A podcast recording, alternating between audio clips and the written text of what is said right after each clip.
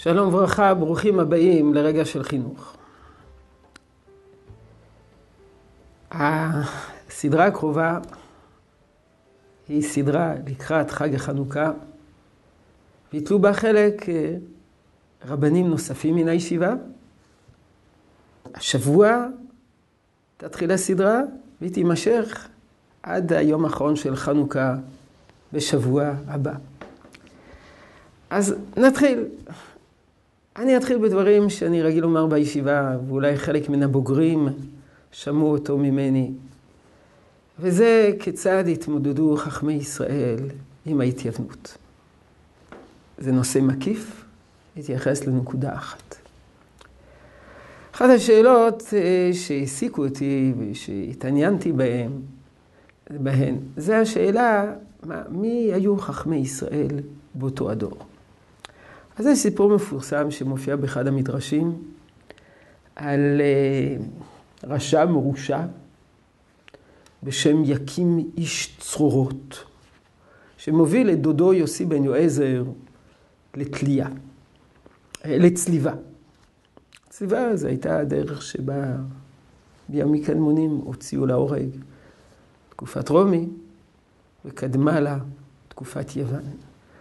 ומתנהל שם דו-שיח מאוד מאוד נוקב בין האחיין שמוביל את הסוס של דודו לצליבה, לבין הדוד. והדוד מטיח אה, באחיינו אה, טענות קשות על גורלו המר והנמהר, על הרשעות שלו. יקים אי צרורות איננו דמות אה, עלומה.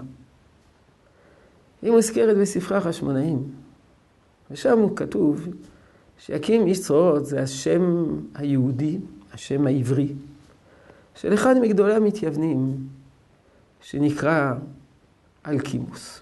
ומסופר בספרי החשמונאים שאלקימוס הוציא להורג רבים מן החסידים. הוא שיתף פעולה עם המתייוונים ונלחם כנגד החסידים, החשמונאים. מכאן ניתן להניח שיוסי בן יועזר, איש, יוסי בן יועזר, אה, נרצח על קידוש השם על ידי המתייוונים. הוא היה בתקופת מרד החשמונאים, מעד אחרי מרד החשמונאים, תוך מרד החשמונאים. הוא היה מחכמי ישראל של דור החשמונאים. יוסי בן יועזר איש צחדה, ובן הזוג שלו, יוסי בן יועזר איש ירושלים. סליחה, יוסי בן יוחנן איש ירושלים. וכאן נשאלת השאלה, מה, האם ניתן ללמוד כיצד הם הגיבו לכל התופעה הזאת של ההתייוונות. ונדמה שלא נטעה אם נאמר שהמשנה שמובאת בשמם בפרקי אבות, המשניות בשם יוסי בן יועזר איש צרידה ויוסי בן יוחנן איש ירושלים, הן משניות שהמסר שלהם מכוון כלפי התקופה הזאת. ומה נאמר עליהם? יוסי בן יועזר איש אומר, יהי ביתך בית ועד לחכמים. הווה מתאבק באפר רגליהם, והווה שותה בצמא את דבריהם. יוסי בן יוחנן איש ירושלים אומר, יהיה ביתך פתוח לרווחה, ועניים בני ביתך, ואל תרבה שיחה מהאישה. אני מניח שכולם שמו לב למכנה המשותף בין דברי יוסי בן יועזר לבין דברי יוסי בן יוחנן. יהי ביתך. שניהם עוסקים בבית. רוחות פרצים נושבים בחוץ. רוחות פרצים נושבות בחוץ. בחוץ משתוללת ההתייוונות. אין ברירה. מתכנסים לתוך הבית ומשקמים מחדש את הבית. יוסי בן יועזר אומר, ביתך בית ועד לחכמים, ומתאבק באפר רגליהם, ושותה בצמא את דבריהם, לבנות את הבית מתוך תורה, לעסוק בתורה בתוך הבית. יוסי בן יוחנן, איש ירושלים, אומר, ביתך פתוח לרווחה, ועניים בני ביתך, חסד. ואל תרבה שמחה עם האישה, צניעות.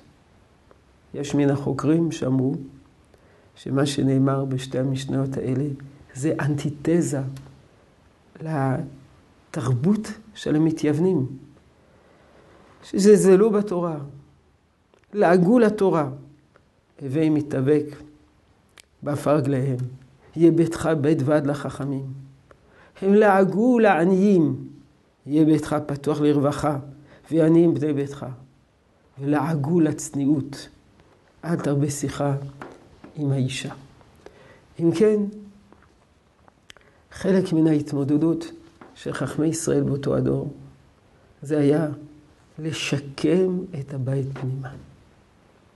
בחוץ נושבות רוחות ומשתוללות רוחות טמאות, נטהר את הבית פנימה. וכמובן, ובכך נסיים, מכאן האופי של מצוות הדלקת נר חנוכה, נר איש וביתו. כנגד התהליך של שיקום הבית פנימה, מול השתוללות ההתייוונות מבחוץ, עומדת מצוות הדלקת נר חנוכה, נר איש וביתו. לשקם את הבית. כשמשקמים את הבית פנימה ומנצחים, אפשר אחר כך לשים את הנר החוצה כדי לפרסם את הנס גם בחוץ. רצון שתשרה הברכה בעבודתנו החינוכית. שלום שלום.